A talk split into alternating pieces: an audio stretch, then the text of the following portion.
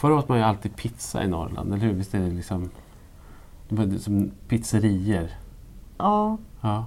Och nu, är det så här, nu har man så ständigt lite så här kladdigt thailändskt ris mellan tänderna, som nu till exempel. Mm. Men eh, alltså, gillar du thaimat? Egentligen inte särskilt mycket. Du gör inte det? Men varför är det så speciellt? Varför, varför, förknippar du det så speciellt med Norrland då? Därför att det ligger så mycket, det är ju thai-restauranger överallt. Eller det kan man ju vara glad för i och för sig, för man slipper det blir Man slipper en, pizzan? Man slipper pizzan och det är ju som en... Det, det är ju ändå en slags variation. För det är ju speciellt det här med att resa i Norrland som jag har gjort så otroligt mycket.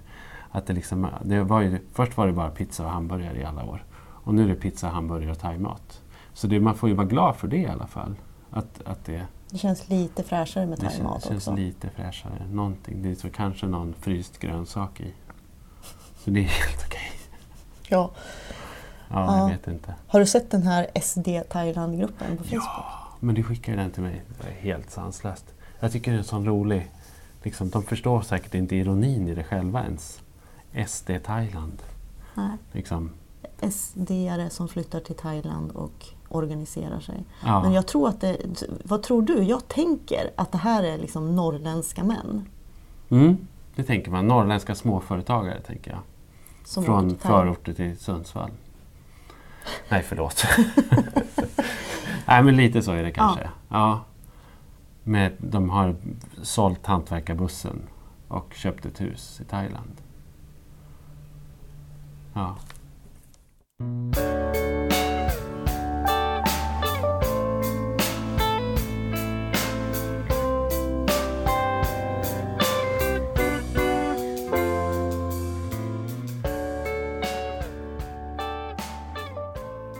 Den här podcasten presenteras av Norrlandsfonden.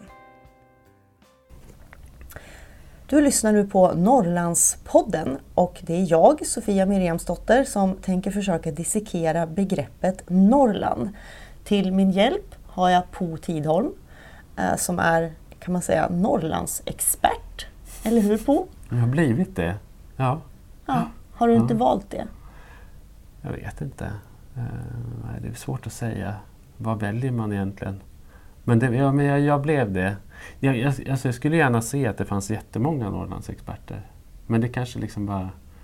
Det, det, det, det är helt enkelt så att det är inte tillräckligt många som är intresserade. Så att det räcker med att någon sträcker upp handen och säger här är jag. Och så säger okej, okay, men då, då, får du, då får du bli. Okay. Som att bli vald sist i gympan ungefär. Alla andra valde andra expertområden. Så jag är expert på Brooklyn, var det någon som sa. Jag är expert på det där, men jag fick, bara, jag fick ta Norrland. Mm. Nej då, men jag tycker att det är jätteroligt. Det, det är bra, för att jag, alltså jag tänkte att vi kan vara rakt på sak här. Mm. Eh, jag skulle vilja veta liksom, hur du definierar begreppet Norrland. Vad är Norrland? Vad betyder det? Alltså för det första så är det roligt med det här begreppet på något sätt för att det är just, det är ju så gångbart i resten av Sverige. Men det är inte gångbart här, där vi är, i Norrland. Då vill folk liksom inte gärna veta av det riktigt. Sådär. Och dels är det ju förstås därför att man... Alltså Norrland är så stort. Det är ju 60 procent av Sveriges yta. 59. 59, okej. Okay. Jag har till och med sett 58 någonstans. Men ja, vi, 58, 59. Ja, vi håller oss till det då. Vi mm. säger det. Mm. Och så börjar det... Alltså det börjar ju då söder om Gävle, vid Dalälven. Dalarna ingår inte, det är viktigt att komma ihåg. Ja, varför tror folk det? Jag vet inte, för att det ligger i jämnhöjd med Gävle. Så att det kanske liksom, och jag menar, norra Dalarna är ju i jämnhöjd med ja. ja jag vet det, inte vad. Det gränsar ju till Härjedalen. Ja, det gränsar till Härjedalen. Så att det får liksom räknas in där på något sätt. Men det, det hör ju egentligen inte till. Då. Det är ju som ett eget område, Dalarna. Kan man säga. Det, är, ett, det är ju Sverige i miniatyr. Eh, och sen eh, så, så, fortsätter denna enorma landsända hela vägen upp till finska och norska gränsen. Liksom. Och det är klart att bor man i den här landsändan så blir det ju väldigt konstigt därför att det är ju väldigt svårt att, att liksom prata om sin hembygd i termer av 58-59 procent av landets yta. Alltså, och som dessutom då skiljer sig åt så otroligt mycket. Att det finns både stad och inland och det finns fjäll och det ja. finns kust och det finns bördiga jordar och det finns tråkiga tallhedar. Men det är väl inte så. Men, men ändå tycker jag mig märka på vänner som har flyttat söderut att de säger att, eh, att, de, att de svarar på frågan var de kommer ifrån, ibland att de kommer från Norrland. Mm. Att de gör det efter ett tag i Stockholm Mm. eller Malmö eller Mm. Varför blir det så? Liksom? Vad, eh, blir den här Norrlandsidentiteten, är det någonting som uppstår när man flyttar från Norrland? Jag tror det. Jag tror det jättemycket. Och det, så var det verkligen för mig också. Att jag flyttade från Norrland till Stockholm. Och först i Stockholm fick kontakt med någon slags Norrlandsidentitet. Och började utforska den på avstånd på något sätt. Eh, det var ju... Så, att jag tror, så, så tror jag verkligen att det är. Att, att det, därför det, det är på något sätt också, man definieras ju som norrlänning av, av norr söderifrån. Och det är ju den andra saken som är problematisk med Norrlandsbegreppet. Det är ju det här att det, att det är ett begrepp som, som norrlänningarna någonstans inte riktigt känner att de äger makten över. Alltså det, Norrland definieras till så stor del av, av, Andra. södra, av Ja. andra och av södra Sverige. Liksom, Ja. Vi har inte riktigt någonting att säga till om där. Jag, jag har på senare tid ganska ofta när jag är ute på nätet, särskilt Twitter kanske, börjat bli så här, ganska provocerad av, av människor som svänger sig med begreppet som jag ska åka till Norrland i Mm, helgen. mm. Eller åh, det är någon som pratar norrländska på TV. Mm. Och så är det Yohio och han pratar sundsvallska. Alltså det, det är och, och, jag kan bli, och, och så har jag blivit lite sådär besserwisser och jobbig också. Så att jag Mm. går in och liksom, Ja. eh, ja, påpekar detta. Ja. Men jag tycker det var roligt när jag gav ut min bok, för jag har ju då gett ut en, en bok som heter Norrland och som där jag har samlat eh, artiklar och reportage och essäer som jag skrev under massor med år. Så gav jag ut dem för ett och ett halvt år sedan ungefär. Och, och då hittade jag någon jättetråd på nätet där du höll, höll på att diskutera den där boken med massa människor. Ja. Och just och Norrlandsbegreppet. Och, Mm. och, och det, då kändes det ungefär som att då fick jag lite intrycket av att det där var nästan lite nytt för dig. Det här med den norrländska identiteten. Att, det var, att du fick upp ögonen för något. Nu vill inte jag, inte för att jag ska ta åt mig Nej. äran för det på något sätt. Men, men det var ändå som att, som att du beskrev det där som någon slags aha-upplevelse lite grann. Då. Alltså det kan, jag tror att jag alltid har känt mig norrländsk. Ja. Så, och det är en aha-upplevelse. Men däremot det här hur andra ser på Norrland. Det, har, det är lite grann kanske ett uppvaknande som har kommit i samband med att jag har läst den här boken. Och, och också rör mig och umgås med väldigt många människor som inte är från Norrland på nätet. Eh, och det som provocerar mig nästan värst, det är varje gång som jag påpekar att det finns ingen dialekt som heter norrländska, så är det någon som säger alltid, det slår aldrig fel, ja, men då kan man inte säga att det finns någonting som heter skånska heller. Mm. Den här jämförelsen mellan Skåne, som är pyttelitet, Mm. Och Norrland, som är Mm. 60 procent av Sverige, den provocerar mig jättemycket. Mm. Ja, men det ligger ju också i sakens natur. Jag, jag, jag tycker liksom att jag tycker man stöter på det där hela tiden. Eller på, på något sätt att man på ett eller annat sätt alltid får lida för de här förväntningarna som finns på det här landskapet. Vi vi kommer ju komma in på Ja. det massor men, men det är liksom jag vet inte, jag tycker inte det, det, är inte, det är inte lätt det här med att vara det är inte lätt det här med att vara norrlänning om man tar det på allvar någonstans. Jag kan ju också Nej, men det säga... känns ju lite, det, det är lite grann det här som att Norrland blir som Afrika. Ja. Man pratar inte om länderna i Afrika utan man Nej. pratar om Afrika som en helhet. Och man pratar inte om platserna i Norrland utan Norrland är en helhet. Mm. Men Skåne, det ska man minsann dela in i mikroskopiska. Ja, det är en jäkla skillnad Ja. på Vittsjö och Helsingborg. Men det, och det är det ju såklart. Alltså, det är det ju såklart lika Mm. väl som att det är skillnad på... Jag menar, men det är ju givetvis... Ja men återigen, jag, menar, jag, jag slog upp en gång, eh, liksom, jag vet inte varför, men jag, jag kollade upp i alla fall i pressarkiven hur man använder begreppet Norrland, för det kan ju vara intressant att göra. Det finns till och med en, en doktorsavhandling om, om Norrlandsbegreppet och Norrlandsbilden som är Mm. jättebra.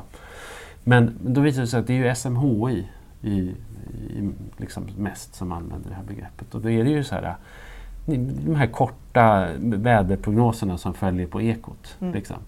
Och där de rabblar då Götaland och Skåne kanske, eller Södermanland. Och, och, och sen så kommer då liksom så här, och i Norrland blir det mellan minus 14 och minus 25. Och då snackar vi alltså om 60 procent Ja. av landets yta. Och där det kan vara liksom givetvis så här, arktiskt klimat i Kiruna samtidigt som det är vår I Gävle. i, i Gävle eller, eller i Sundsvall också Mm. för den delen. Så att, Så det, är klart att det, blir, det är klart att det blir jäkligt knepigt. Alltså. Men nu, nu pratar du om vädret därför Ja. att det är faktiskt också enda sammanhanget där begreppen Svealand och Götaland används. Ja, Det är ju ingenting som folk svänger sig med i dagligt tal fastän Nej. Norrland använder faktiskt människor. Lik, man pratar ju inte heller om svealändska eller Nej. götaländska eller något Nej. sånt. Det finns ju inte. Va, varför är det så? Varför använder vi begreppet Norrland men inte begrepp som Svealand och Götaland? ska jag ta den långa eller den korta historien? Ta den korta. Nej, ta, ta den långa. Varsågod. Nej, men okej. Ja, men så här då. Alltså, Svealand och Götaland var ju Sverige. Alltså, det, det, det var ju Sverige fram till, ja, vad ska vi ta? Alltså, fram till 1600-talet så var det det som var Sverige. Svealand och, och, och Götaland. Skåne tillhörde inte heller Sverige för övrigt. Det tillhörde ju liksom Danmark. Och delar av, delar av västra Sverige tillhörde Norge. Men Svealand och Götaland det har liksom tillhört det svenska kärnlandet sedan, inte vet jag, 1000-talet, 1100-talet eller någonting. Men Norrland är ju ett senare tillägg. Alltså Norrland var ju en del av landet som förvisso då kanske så rent juridiskt tillhörde Sverige. Men, men inte hade inlämnats som en del av nationen. Innan de fick samerna att betala skatt? Ja precis, därför det här, är- det här är verkligen så här det långa, här, här är väldigt långa förlopp. Men, Mm. men någonstans så är det så här att kan, det är lika bra att jag drar Ja, det här, ja, eller hur? kör, det, det, är kör liksom hårt. så här, ja, men, det är många som inte vet det. Mm. Men nå, någonstans kan man säga så här att Norrland föddes, eller tanken på Norrland någonstans föddes, jag tror att det var i april 1635 eller något sånt där. Då skickade ett riksråd som heter Karl Bonde ett brev till Axel Oxenstierna som var rikskansler. Och han var då och krigade någonstans i Tyskland. Eller så. Och eh, vad Karl Bonde skulle skri- skrev om i det här brevet det var att man hade hittat silver i Nasafjäll i Västerbotten. Och att nu skulle allting bli helt fantastiskt här för att det här är jättebra. Eh, grejen var att på 1600-talet så hade ju Sverige stormaktsambitioner. Eh, och det absolut trendigaste man kunde ha på 1600-talet det var kolonier. Och Sverige ville också ha kolonier. Sverige hade faktiskt en koloni på amerikanska östkusten till exempel. Men Sverige var ju ingen framgångsrik kolonisatör överhuvudtaget. Nej. Och alla andra europeiska länder de hade jättestora kolonier och de blev enormt rika på det. Man skaffade ju liksom man fick ju slavar, man fick ädelstenar, och man fick ädla metaller och man fick tillgång till mängder råvaror som inte fanns i Europa givetvis. Så det där berikade Europa något enormt. Men Sverige hade inte möjlighet att få det där. Så att grejen var att när, när man hittade silver i Nasafjäll så, tyckte, så tänkte man liksom att det här är vår egen koloni och den ligger liksom dessutom på vårt eget fastland. Vi behöver inte ens kriga för att få ta del av det. Och då eh, gick man ut hårt direkt. Förslavade samerna, satte dem i arbete i den där silvergruvan och de skulle köra silvermalm till kusten. Därför det var så man gjorde i kolonierna också, där man Mm. förslavade indianer eller afrikaner eller vad det nu var. Va? Eh, och vad han skrev i det där brevet också som ju är väldigt avslöjande, och det var det så här att med Guds hjälp och bla bla bla så, så, så kan det här bliva Sveriges eget Västindien. Eh, så att någonstans så, så slog man liksom fast en syn där på Norrland som en, som en koloni inom landets egna gränser. Men det här vet ju inte folk idag, alltså generellt. Nej. Det här är ju inte en kunskap som folk går omkring och tänker. Utan Nej. Norrland är ju faktiskt en väldigt klar del av Sverige idag. Men det, här, men det är alltså någon urgammal tradition som gör att vi fortfarande pratar om Norrland. Alltså, jag brukar ju roa mig med att Ja. fråga folk eh, olika saker. Till exempel så har jag gjort en egen högst ovetenskaplig liten gallup och frågat folk vad de tänker på när man säger Norrland. Och de, många säger skog, skog, skog, skog. Eh, och sen så är det en person här som bor i Stockholm och hon har svarat långt bort. Och då tänker jag att mellan Stockholm och Gävle är det inte så långt. Nej, vad tar det? 1.15 med Ja tåg? men precis, så var, varför, varför upplever en stockholmare att Norrland ligger så långt bort? Därför att det som är längst bort i Norrland ligger långt bort. Är det någon som har svarat någonting som har med städer och urbanitet att göra?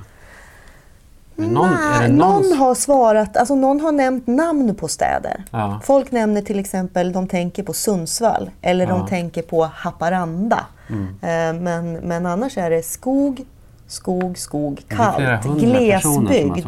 Ja, glesbygd, barrskog, Och det här säger tystnad. Ja, och det här säger ju verkligen någonting om bilder. För jag menar, det är också så att på de här 59 procenten av Sveriges yta så bor det ungefär en miljon människor.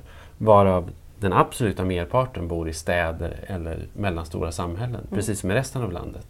Så att den här bilden av den här mannen som bor i det ensligt belägna, belägna huset och har skinnbrallor Det är en som har svarat här. Snus och öl och gampojkar. Ja, precis. Alltså den bilden är ju liksom ungefär lika sann som, jag vet inte vad vi ska hitta på, men, men den, den är helt enkelt, den stämmer ju givetvis inte på den norrländska majoriteten utan och den stämmer ju inte riktigt med den bild som jag, som jag beskriver heller. Därför att någonstans är det ju så här att ska man, ska man jobba med Norrland som begrepp eller Norrland som yta så, så blir det ju också så att det intressanta är ju såklart inte den vanliga familjen i en villa strax utanför Umeå där mannen jobbar på liksom så här, är är ekonomisk controller på landstinget Nej. och kvinnan är sjuksköterska. Det är, inte, det är inte särskilt spännande utan det är klart att det är mycket mer spännande då med jägare och samer och, och liksom folk som gör getost. Men, men kan man säga att i princip nästan hälften av alla norrlänningar bor i eller i väldigt nära de tre störst, största städerna? Ja. Umeå, Gävle, Sundsvall, Luleå. Ja, och Luleå och Östersund Ja. och, och sådär. Absolut, så är det ju. Mm. Absolut. Så, att, så att det är egentligen så att landsbygden, landsbygden är. Varför är det den folk tänker på? Då? För att det finns så mycket av den. Ja, det är väl det. Och också därför att den är en motpol då till resten av landet. Att, att jag menar, någonstans är det så att alltså den, Norrland har inte lyckats särskilt bra med urbanitet överhuvudtaget. Alltså våra städer är ju alltså, ur ett internationellt perspektiv eller ett svenskt perspektiv ganska ynkliga. De är ganska små, de har ett ganska litet utbud. Eh, alltså som städer beträffat så är det liksom alltså utbudet av shopping och mat. Shopping och mat. Med- med det finns inte så jätte... Och så, så kan man åka till Birsta eller man kan åka till liksom... det, och hur kul det liksom? Det är inte, det är inte jätteskoj. Och, är, och, och det är dessutom så att städerna och Är inte du fördomsfull nu? Nej, När du säger att det inte är skoj att åka till Birsta? Ja, ja, Okej, för jag tar tillbaka. Men, men jag skulle säga att nej, men någonstans så är det väl lite så här också att, att, att man måste ju söka det som är typiskt någonstans. Och då blir det ganska ointressant att fokusera på det som tillhör liksom den generiska västerländska kulturen som ju faktiskt Birsta eller Skellefteå centrum eller sånt där. Det ser ju likadant ut i Tyskland eller Belgien eller var du vill, vart du än kommer i, i världen eller USA. Men däremot så är det ju så att den norrländska naturen och det norrländska inlandet och den norrländska byn kanske så här, där finns de specifika norrländska kvaliteterna. Och då kan det ju vara intressant liksom Jag blir lite provocerad av alla som svarar skog. För att Ja. om någon säger skog till mig, då tänker jag på Småland. eh, men, men, men, men, men liksom det, eh, vad är den minsta gemensamma nämnaren för Norrland? Alltså, finns det någonting som man kan säga är det som norrlänningar har gemensamt? Vare sig man bor i, i, i Gävle eller Karesuando. Oj, Finns det gud vilken svår fråga. Ja. Ja, men alltså, jag ty- tycker nog att, att alla de här som du har frågat, att de är nog liksom någonting på spåren ändå. Därför att den minsta gemensamma nämnaren måste ju ändå vara det som folk Sprit och ångest. som. Ja, det kanske är det då. Eller skog. Ja. Alltså, skog skulle jag nog säga, det är nog det minsta Men om man är gemensamma uppvuxen på spikarna på Alnön, då är det Ja. inte skog man tänker nämnaren. på. Nej. Eller vid precis. Piteå havsbad. Nej. Men det är nog ändå, ja du, vad svårt att svara på. Vi får, tänka, vi får klura vidare på det. Ja, vi har ju tid på oss. Ja. Vi ska ju liksom... Vi ska fortsätta herregud. med det här. Ja.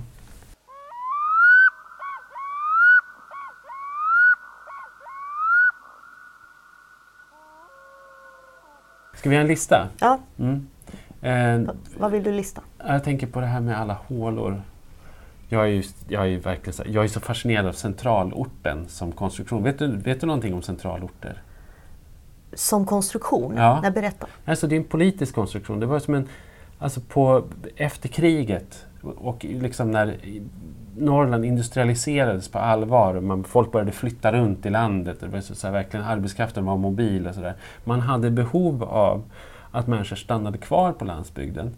Eh, men man ville inte gärna att de skulle bo glest och ute i byar utan man ville att de skulle bo samlade. Och därför så hittade man på det här med centralorter. Så sans, satsade man liksom på att bygga små samhällen med jämna mellanrum. Vårdcentral, skola, Precis, allt det där. Hela uppsättningen. bibliotek. Ja. Och de där är ju nu som små museer över folkhemsåren nästan. Så man kommer till såna här orter och de kan ju se helt fasansfulla ut. Och den där tänkte jag, det är en Okej. bra lista. Det låter som en jättebra. Ja. Vilken tycker du ska ligga överst då? Eh, ja, det finns ju ja, det finns många. Alltså. Det, och det, just om man åker längs, längs riksväg 45 så passerar man ju en hel del. Så, ja, jag är ju väldigt förtjust i Strömsund i Jämtland. Åh, Eh, dels är det väldigt vackert där i Strömsvattedal och sådär. Och sen så har det ju den här mixen av att vara centralort med viss modernitet men också någon slags sån här utpostsarkitektur som liksom har att göra med liksom att, att det en gång i tiden var någon slags frontier, nästan så här som i vilda västern. Att, att det var liksom så här, slutade civilisationen. Och det finns en slags trähusarkitektur där som är bevarad också vid sidan av den här. Alltså, och det tycker jag, är, jag tycker Strömsund är väldigt fascinerande på det sättet.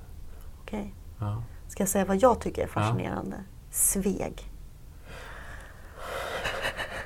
Det, är, det är ju någonstans, det är verkligen så långt bort från civilisationen man kan komma i, i min värld.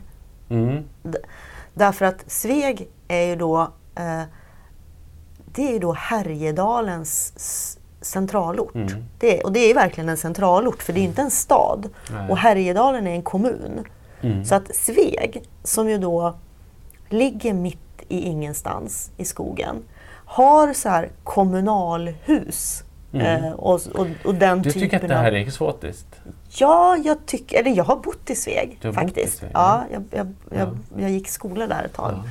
Jag vet inte om jag tycker att det är exotiskt, men just Sveg skiljer sig från många andra orter på grund av Ja. den, här, den här rollen som den största orten i Härjedalen. Och det bor väl ändå bara så här 3-4 tusen människor där. Mm. Det är, Det är jättelitet, men har, ja men för att vara en centralort, alltså för att vara kommunens Jo, jo, säte. ja, det är klart. Det är på det, jo, kommunens jo, det perspektivet. Sen har de ju, och så sen att jag tycker att det är ganska så här lite platt och tråkigt. Alltså de har älven i och för sig. Mm. Ja. Jag tycker ju att Sveg är ganska fint med det här rutnätet. Det är ju som Det är verkligen så här- ordnat. Ja, det är Mm. verkligen så här, äh, också ett försök att bygga en stad, verkligen. Mm. Och jag tycker den är ganska intakt. Jag, tycker det är så här, jag åkte igenom Sveg bara här om veckan. Jag var på väg från fjällen och tog en sväng in sådär. Åkte in. De har byggt ett väldigt roligt 50-talsfik i Sveg som man kan åka in. Jag, f- Och, och sen så inte minst den där otroligt fula träbjörnen i korsningen. Där. ja, jag fick ju lappsjuka när jag bodde i Mm. Sveg. Det kan jag förstå. Ja. Jag, jag kan acceptera Sveg. Jag tycker att Sveg kanske är nästan lite för stort. Okej. Och har liksom så här, lite vad- för vad- mycket utbud nästan.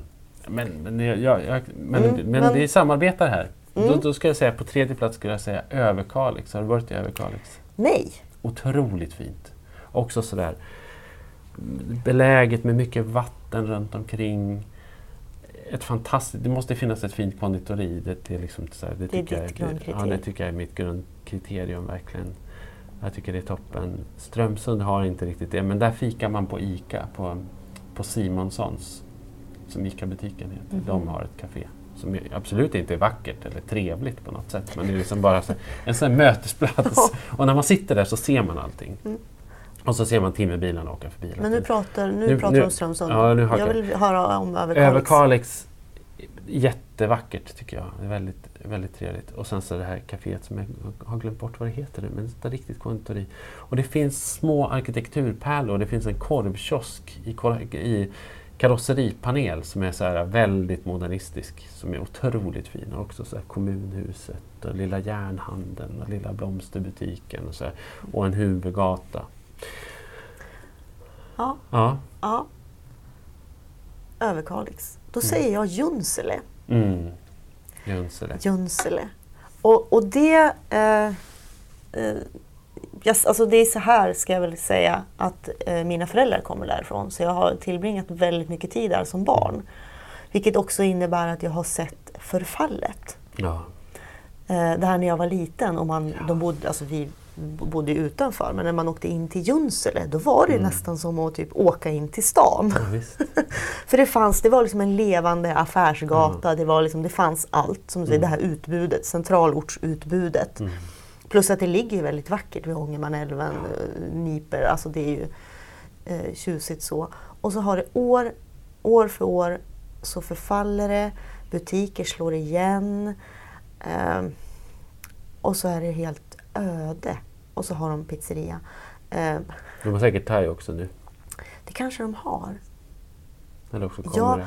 Jag brukar åka dit ganska ofta. Jag vet inte om jag har sett någon thai. Mm. Men det intressanta med Junsele, det är också, eller Junsele får helt enkelt eh, eh, illustrera detta med Mm. centralorter. Det är de här roliga butikerna som Fiske och skor. Mm. Eller de, de här som har allt i en salig Mm. blandning. För Mm. att det finns inte tillräckligt med underlag för att ha en... Man tycker det är stort att det bara finns butiker. Det kan ju vara...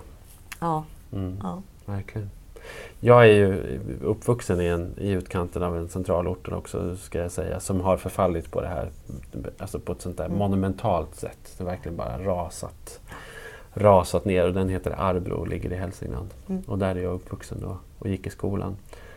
Och den centralorten är ju verkligen, eh, alltså, jag var också en sån där som förkroppsligar hela, hela det där hela den där sufflén som centralortstanken var på något sätt. Jag menar, när jag växte upp, det fanns ju allt. Det fanns liksom florist och tobakist och leksaksaffär och, och det fanns nog tre banker och det fanns postkontor och det fanns tre livsmedelshallar tror jag.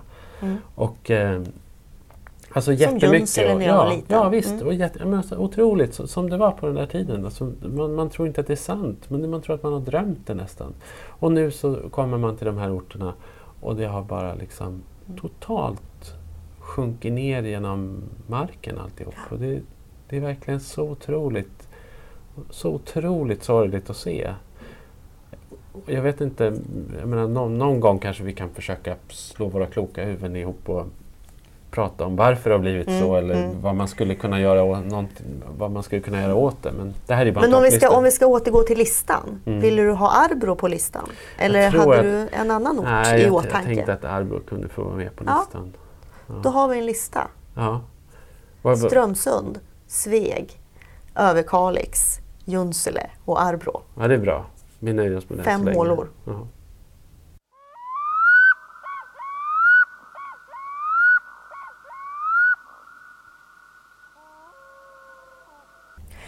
Jag är ju född i Sundsvall och uppvuxen här. Men eh, mina föräldrar kommer från Lappland och Ångermanland.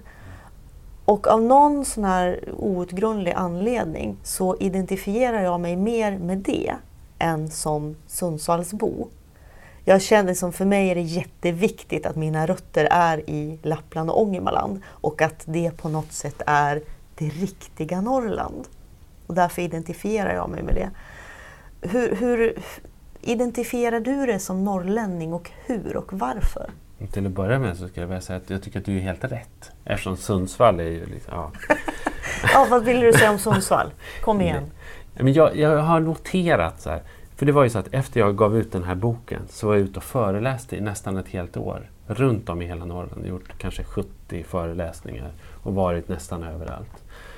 Och nämner man Sundsvall så är det som att alla rynkar på näsan. Det är ingen som tycker om Sundsvall. Och, och jag har verkligen funderat på det. det.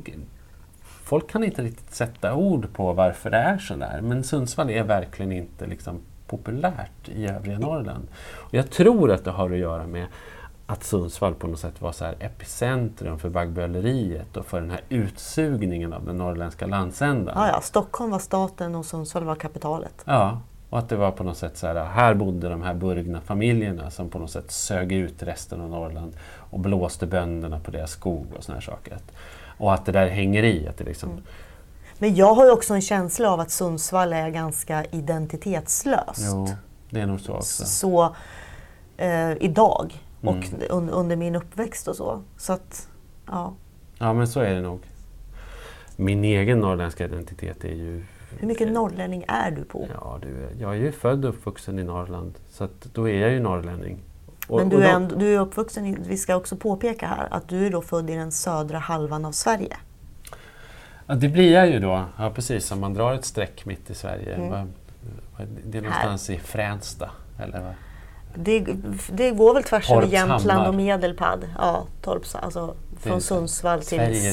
Strömsund. Är det inte, är det inte Torpshammar som kallar sig för Sveriges Jo. mittpunkt? De har någon... Just, Något- man, måste någon säga det, man måste säga det så också. Sveriges mittpunkt. Punkt.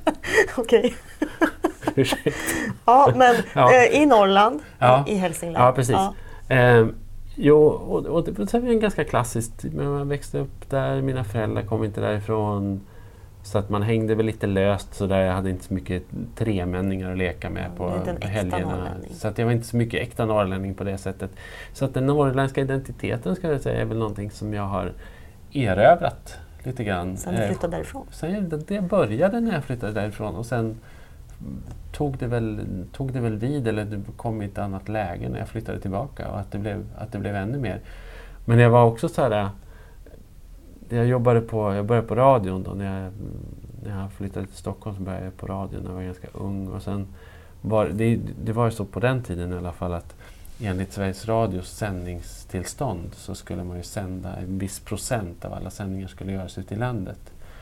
Och då skickades jag till Luleå i fem månader för att sitta och sända ett förmiddagsprogram i P3 från Luleå. Mm. Ehm, helt enkelt därför att leva upp till sändningsavtalet. Ja.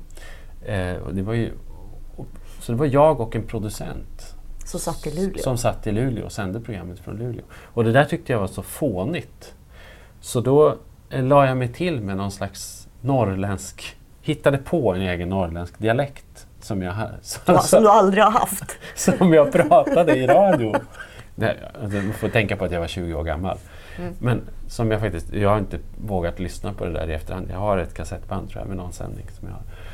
Eh, men jag satt alltså och pratade på någon slags hemkokt norrbottniska eller någon, någon slags där påhittad norrländsk dialekt som jag körde hela den, där, hela den där perioden när jag sände. Bara för att jag tyckte på något sätt att det skulle höras att det var... Och och det där gjorde nog också på något sätt att jag identifierade mig med, med liksom... Jo, jag ska säga så här. Att just det här att jag kom från södra Norrland och just det här att mina föräldrar inte var därifrån. Det gjorde nog också att jag blev just norrlänning. Att jag inte liksom att jag inte just blev kanske i första hand hälsing eller Arbrobo som jag hade vuxit upp i. Eller sånt där, Mm. utan, utan jag gjorde på något sätt Norrland. Eller, eller liksom, I och med att, som vi var inne på tidigare, det här att man, man blir norrlänning liksom, i exil. Mm, mm. Och, och det blev jag. Och, då, och eftersom jag hade en sån... Ungefär som de här Sverigedemokraterna som blir, som blir svenskar i Ja, tack. Thailand. Tack! Tack. Precis Sofia! Exakt vad jag menar. Nej men jag tror att just det här, just att jag satt så löst rent geografiskt och just att min mitt i, liksom, geografiskt identitetsprojekt liksom blev eh, inträffade i Stockholm och på distans så tror jag att jag gjorde hela Norrland till mitt och att, att jag faktiskt så här, har odlat en norrländsk identitet som faktiskt inbegriper hela Norrland, även om det låter väldigt konstigt kanske.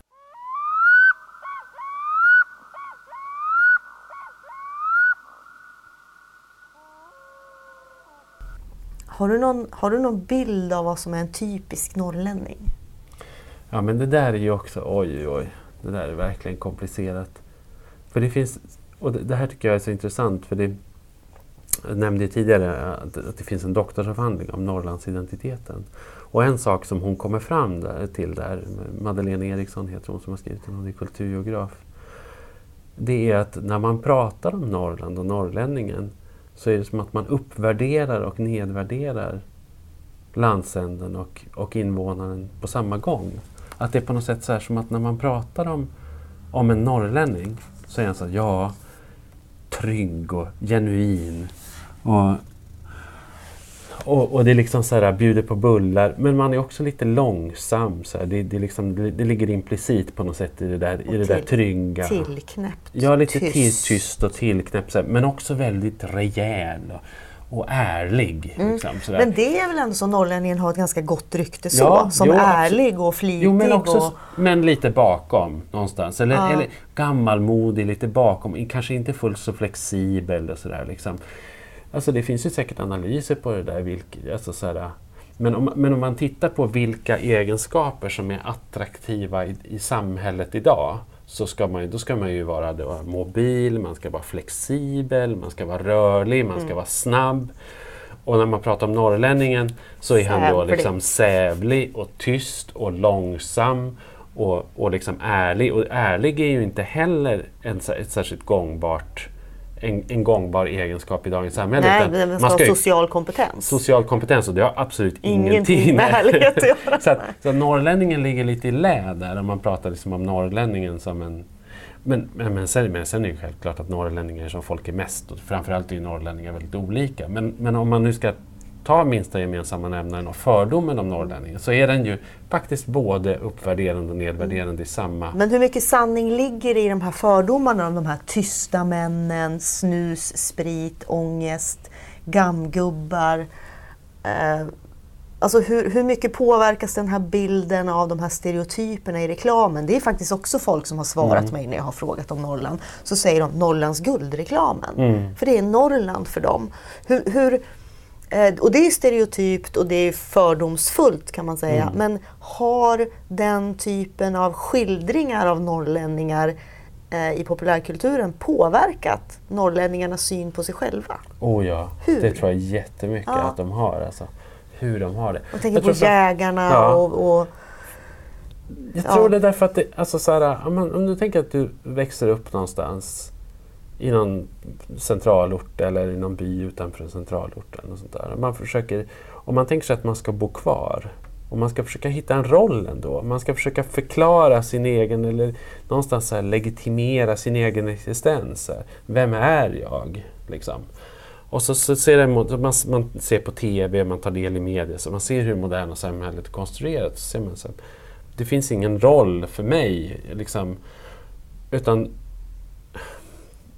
då, då får man liksom ta den stereotyp som, som finns till hands, som ligger närmast till hands. Och då kan vi säga att här, filmen Jägarna och reklamfilmerna för Norrlands guld har på något sätt serverat en stereotyp som jag tycker att den norrländska mannen har klivit in i ganska mycket.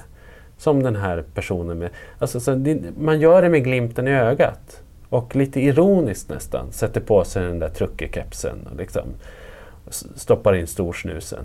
Men, och så. men är det så som, som, du, som du, jag har hört dig säga förut att innan Jägarna så var det ingen norrlänning som hade den där truckekepsen. Men efter att filmen Jägarna eh, hade blivit populär så började norrlänningen bete sig, se ut så. Alltså det är klart att det fanns, det är klart att det fanns sådana innan, så det är väl kategoriskt att säga så. Men, men det var ju absolut så att, att det blev en tillgänglig identitet. Och jag var ju själv med om en otroligt märklig liksom så här, nästan tillblivelse av den där mansbilden. När, när filmen Jägarna hade haft premiär så ordnade man en manlighetstävling i Älvsbyn där filmen Jägarna spelades in.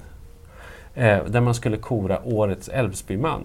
Och det var tänkt då att bli ett årligt återkommande sammanhang. Liksom. Och jag satt då på Dagens Nyheter i Stockholm och fick höra talas om det här och tyckte bara att Jesus, jag måste åka dit. Ja. Så att jag tog flyget upp till vad det nu var, Kallax eller någonting antagligen, då, hyrde en bil och så åkte till Storforsen där den där tävlingen skulle äga rum. Och så stod vi då som hade kommit till det där evenemanget, det var någon solig vårdag. Och så, och så kom de tävlande inkörandes eller inåkandes på den här grusplanen då vid restaurangen vid Storforsen. Ehm, på pickupflak, precis som i Jägarna. Precis som de här scenerna med de här liksom otroligt burdusa våldtäktsmännen i skinnbrallor. Liksom. Så kom de inåkandes, tjoandes och de hade klätt upp sig som, Jägarna. som i. Jägarna.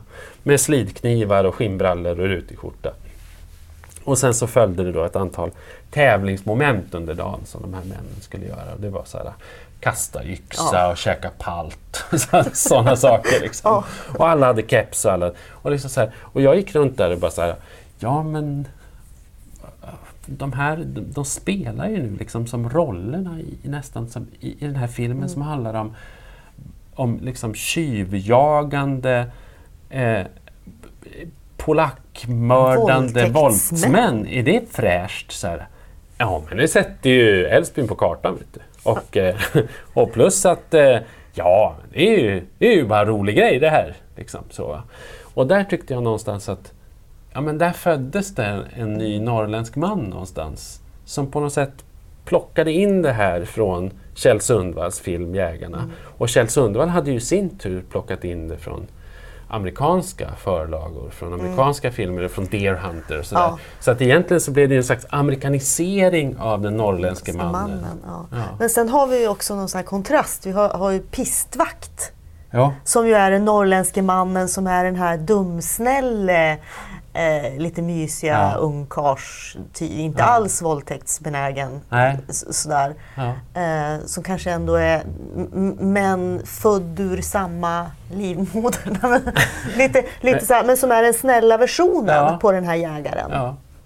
Och det där tror jag också är någonting som man ironiserar över själv. Att man, liksom så här, ja, men man sätter på sig kepsen lite högt upp på huvudet och man har sin varseljacka.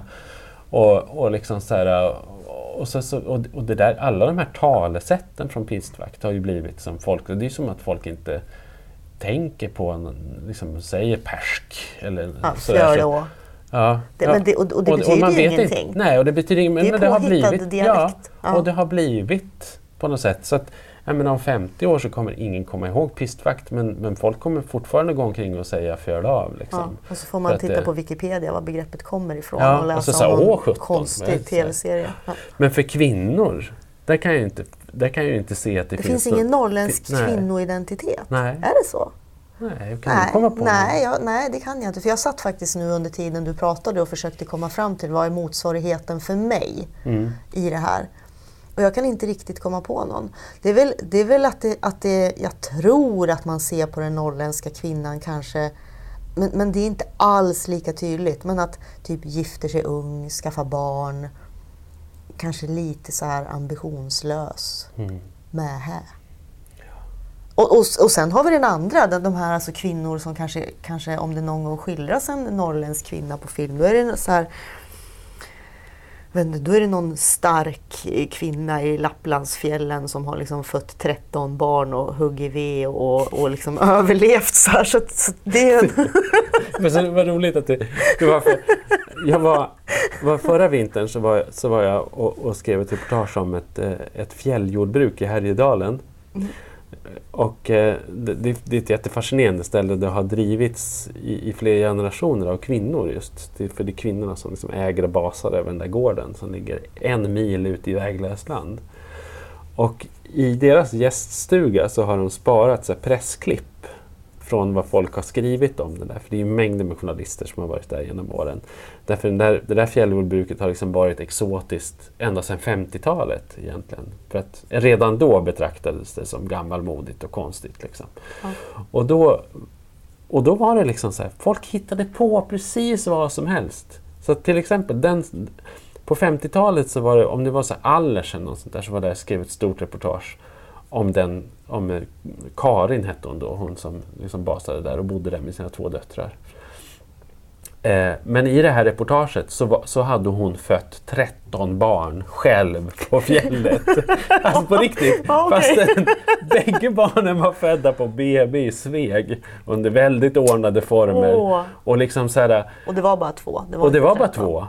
Liksom. Nej, det fanns en bror också, så tre barn. Men alla var födda på BB Sveg och det var, liksom inget, det var ingenting konstigt överhuvudtaget. Men, men just det här att man, att Det man som journalist ja, men att man som journalist och kommer till ett sånt där ställe och liksom känner att nej men det räcker inte. Jag måste, jag måste gå all in här. Ingen kommer bli nöjd med det här. Liksom, utan jag måste blåsa på och beskriva det där. Mm. Så det är ju...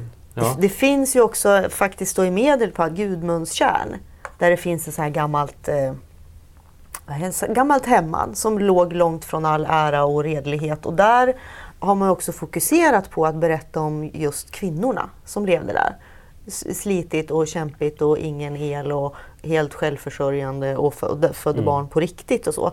Så det kan väl vara en sån där sak men som blir otroligt svår för en modern kvinna att identifiera sig med. Men, Ja. det, men det är någonstans det här ändå tror jag att någon, jag vet inte, att den norrländska kvinnliga identiteten är lite manlig kanske. Mm. Någonstans Lite kara-kvinna. Liksom. En, en riktig norrländska, hon är lite hon är ganska hård. Skinn på och näsan skinn på näsan, kan- precis. Näpsa en man. Ja, liksom. ja. Ja. Jo, men så är det kanske lite. Det är väl den, men den har ju inte populariserats på samma sätt liksom, i media eller så som Nej. man tänker sig. Nej. De har ju en mamma i och för sig, då, de här bröderna i pistvakt och hon är ju lite Mm. Hon sådär. är ju en sån. Hon är Mm. ju liksom tuff. Hon har ju också varseljacka. Liksom, Mm. och, och kan huta åt. Sådär. Men, men visst, så är det. Men jag tänker på det här äh, också behovet hos, hos norrlänningar. Varför, alltså, någonstans är det ju så här att alltså, resten av landet på något sätt betraktar ju då Norrland som det här glesbygdsnorrland som något sätt bakvatten. Och blir man kvar där, så, och det, du hör ju hur jag bara säger, blir kvar. Ja. Det man förutsätter ju på något sätt att man blir kvar. Mm, det är inget Alltså så- val. Man- det- nej, det är man kan inte val. göra ett aktivt Man kan val inte att stanna i vara kvar, Norrland. utan man Nej. blir kvar. Och, och, och då spelar det ingen roll om du bor då, om du väljer att stanna kvar i Fredrika därför att du faktiskt tycker om Fredrika och du trivs där, du vill bo, men du väljer att bo i Fredrika. Så är det kanske så också att du, man känner så tydligt att man betraktas som en loser av resten av världen. Så att man ikläder sig en loser-identitet. Och jag, jag har ju många kompisar till exempel som är liksom i någon slags rockabilly-sväng.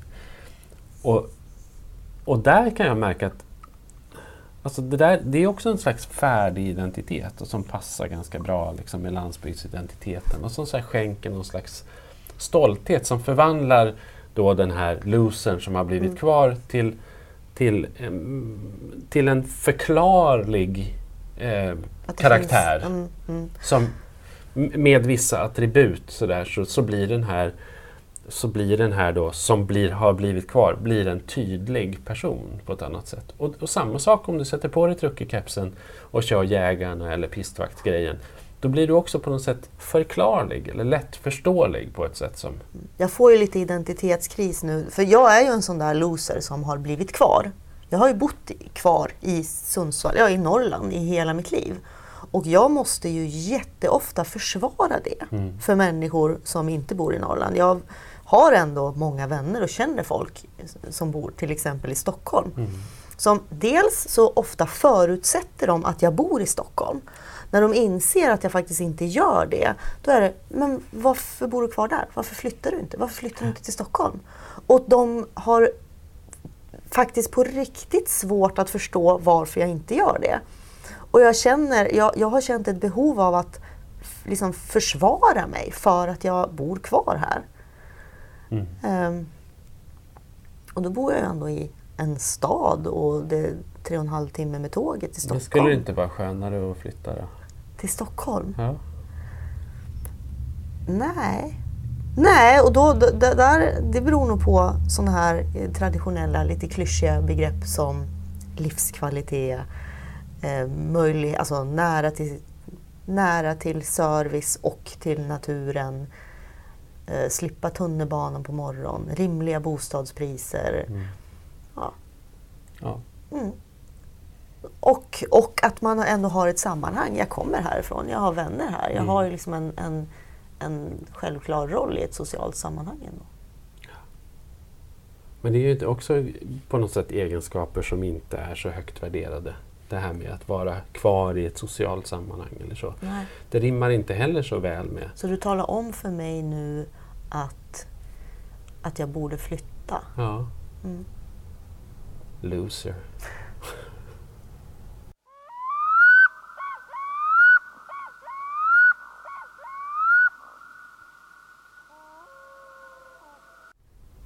På, eh, du är känd för att måla upp en ganska svart bild av Norrland. Dyster, dystopisk. Sådär.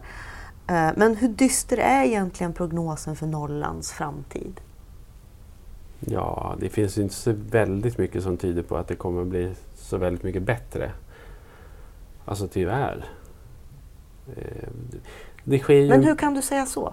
Ja, därför att jag har tittat på tillgänglig statistik helt enkelt. Om man ska vara helt krass så är det ju så att, att liksom man tittar på tillväxt och befolkningssiffror och åldersstrukturer och, eh, också på liksom global utveckling. Jag menar hela, hela världen präglas just nu av en ganska kraftig urbanisering.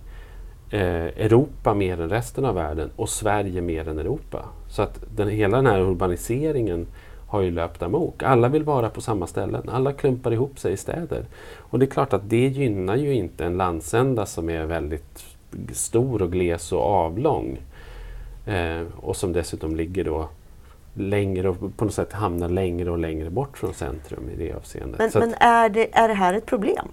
Ja, det är klart att det är. Men, men varför är det det? För jag tänker ju så här att jag menar om, om man kan ju undra varför det bor folk här från början. Eftersom det är kallt och det är liksom dystert och det är mörkt mm. halva året. Och, och det är svårt att förstå eh, mm. varför folk då, om de har möjligheten att flytta härifrån, faktiskt bor kvar. Eh, varför är det viktigt att Norrland som landsände eh, fortsätter mm. existera och leva? Mm. Vad spelar det för roll? Mm. Därför att det är viktigt för de människor som, som bor i Norrland såklart, skulle jag säga. Eh, och de kan man ju inte förringa, men det, men det är där, ja, utan att liksom bli alltför politisk då, så är det, jag menar, det, det är ju på något sätt så här, den moderna liberalismens grundtes är på något sätt att det som kan produceras ska produceras där det är som billigast att, att producera det. Och, och det är klart att Norrland lider ju av det. Varför, varför, ska man, varför ska man bo och verka i Norrland när det är mer effektivt att göra det i Barcelona eller i, eller i utkanten av Paris? Eller, ja, men det är ju inte effektivare liksom, att göra det i Malmö Jo, än, ja, men billigare. Ja, därför alltså. det, det är av det enkla skälet att, att, att det är fler människor, man kommer närmare en, en marknad och så vidare. Och varför ska man då driva för, Varför ska man överhuvudtaget driva en skola i Norrlands inland där det bor få barn där? Då, då kan, man, då kan de väl flytta, om de, om de nu så jävla gärna vill gå i skolan så kan de väl flytta på sig i sådana fall. Då. Mm. Jag menar, vi är ju snart framme vid den typen av tänkande. Jag tycker att för mig är det där ett sluttande plan att överhuvudtaget ge sig in i den typen av diskussion. Därför då börjar man liksom, ja men vilka människor är viktiga? Liksom, så är, det de som, är det de som har klumpat ihop sig och därför är många? Eller är det de här få som är kvar i en by? Liksom, men ska man, att... menar du då att man, ska, att man ska utöva konstgjord andning på den här byn? Ska vi liksom återinföra det här centralortstänket utifrån den enda aspekten att, att människor ska kunna bo Ja, jag tycker, alltså, Människor ska kunna bo i Strömsund om Norge de vill har ju en sån idé. Även om det inte finns några jobb eller ska, ska, ska, ska hela Norrland leva på bidrag då bara för att det ska fortsätta existera? Jag har två saker att säga om det. Jag förstår att du, jag förstår att du, är, att du försöker att du försöker liksom så här, provocera mig nu lite grann här. Då, Och det, det, kan du väl få, få roa dig med om du vill. Men, men jag, jag känner så här, alltså dels två saker om det här. Eh, för det första så tycker jag att folk ska få bo där de vill. Och, och, jag, och jag tycker också att det på något sätt är nationens mm. skyldighet. Mm. Men det får de ju. Folk till, får ju bo ja, Men jag tycker också faktiskt att det är nationens skyldighet att se till att människor får en hyfsad basservice där de bor.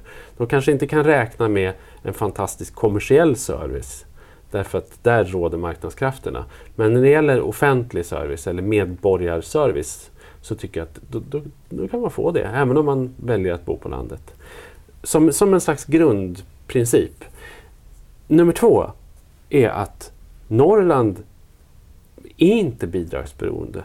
Norrland är nettoproducent. Norrland pumpar in pengar i den svenska statskassan. Det är bara det, är bara det att Norrland är fast i en postkolonial struktur och i, i, är offer för ett skattesystem som, som gör att, att eh, vi inte kan leva på det som vi själva producerar. Mm. Och det, men det, den stora frågan då, för det är ju en extremt intressant fråga, det är ju om nu efter, eller eh, inte om, det är ju så att Norrland sitter på eh, naturtillgångar och råvaror för, som försörjer resten av landet Ja. mer eller mindre. Varför genererar det här inga jobb i Norrland? Därför att de här, de, de, det genererade ju enorma mängder jobb förut. När de här branscherna, då, de här råvarubranscherna var arbetsintensiva snarare än kapitalintensiva. Jag menar när, när man avverkade, när man sågade ner ett träd i taget med motorsåg eller med, med, med, med liksom en gammal handdragen såg så gick det åt en väldig massa människor. Och nu, så fin, nu kommer det en man i processor och gör samma jobb som hundra personer gjorde på två veckor, gör man på en dag. Och då är det klart att, att då, då blir en väldig massa människor onödiga. Och, det, och så, så är det ju en väldig massa branscher. Liksom det som, ligger, det som är problemet med det för Norrlands del, alltså dels så, finns, så är det ju ett problem i att de här branscherna då rationaliseras och centraliseras så att människor inte längre får jobb. Men konsekvensen av det ekonomiskt är också att en svensk kommun eh, får ju bara ta skatt, eh, ta, får ju bara ta upp löneskatter Mm. och inte företagsskatter. Så att när en bransch går från att vara arbetsintensiv till att anställa få så, så genererar det mindre lokala skatter. Alltså företaget som sådant, om man tar till exempel då ett skogsbolag så anställde det tidigare en massa människor i inlandskommuner som betalade skatt lokalt som kunde gå till, till lokala välfärdstjänster. Idag så anställer man kanske inga människor lokalt överhuvudtaget utan det kommer en man med en skördare från kusten och då så blir skogsnäringen inte viktig för den här kommunen. Men pengarna som genereras i skogsföretaget beskattas ju av staten och hamnar i statskassan. Och en del av det betalas sen tillbaka som bidrag till den där kommunen som kompensation för att det är så här. Vilket då skapar bilden av Norrland som bidragsberoende fastän vi i själva verket genererar mycket mer än vi får tillbaka. Mm. Men, men, men tänker du att man skulle införa någon, någon form av planekonomi här? Eh, och, Är det och- den liberala, och konstruera- liberala Ja, ledarskribenten precis. som frågar? Konst, ja, men, ja, men för, för, det- för det, här, det här tycker jag, det är inte, det är inte bara en intressant Norrlandsfråga utan jag tycker, att det här, jag tycker att det här är ganska centralt överhuvudtaget. Att vi kan ju inte skapa jobb Nej, för att vi kan inte skapa jobb för att utföra saker som inte behöver utföras bara för att människor ska kunna Nej. jobba. nej. Det, kan, det är ju, det är ju dumt. men, men om man vänder på det, om man tänker så här. Om en, eh, ta till, då, till exempel Ragunda som är en extremt fattig kommun, den ligger i Jämtland. Det här är ett sånt där exempel som man brukar vifta med. Eh, om Ragunda fick ta upp skatter från vattenkraften i sin kommun så skulle den inte bara vara Sveriges rikaste kommun utan en av Europas rikaste kommuner. Ragunda med tusen invånare, eller vad de nu har, det är något sånt där 1200 invånare, sånt där, skulle ha enorma summor pengar Men de har på sitt bankkonto. paviljong. De har en thailändsk paviljong. Återigen, detta Thailand, vi bara återkommer till det. Och Libbitris, mellan tänderna har de också. Men om, om de hade tillgång till de här pengarna så är det ju klart att Ragunda skulle se ut på ett annat sätt. Då Mm. skulle man kanske ha andra förutsättningar. Man kanske skulle ha en annan infrastruktur. Vilket i sin tur kanske skulle attrahera människor och företag att, Mm. Men- att, men by- kan man att bygga inte- och bo i Ragunda. Kan man inte säga då att problemet här är då kanske att, att eh, de, här, de här företagsskatterna som ju går till staten, Mm. eh, att, att det ändå ligger då på, på staten och regeringen att återföra pengar till Norrland, inte i form av kanske olika bidrag men i form av att ändå upprätthålla en vettig infrastruktur och sådär. Jo, det kan man ju tycka. Ja, Ja, men de vi- pengarna där behövs till vi Norra vara- länken. där kan vi vara överens kanske.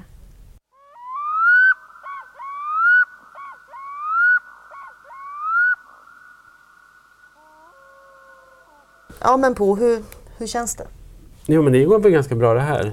Tycker du det? Jag, alltså, jag tycker din plan där med att vara den här naiva utfrågaren, den funkar väl ganska bra. Det enda jag kan tycka är lite tråkigt, det är att jag på något sätt får stå för risktagandet medan du sitter där och är lite så här safe och liksom men på vilket, vad, hur menar du nu? ställer de där Vad tar du för risker?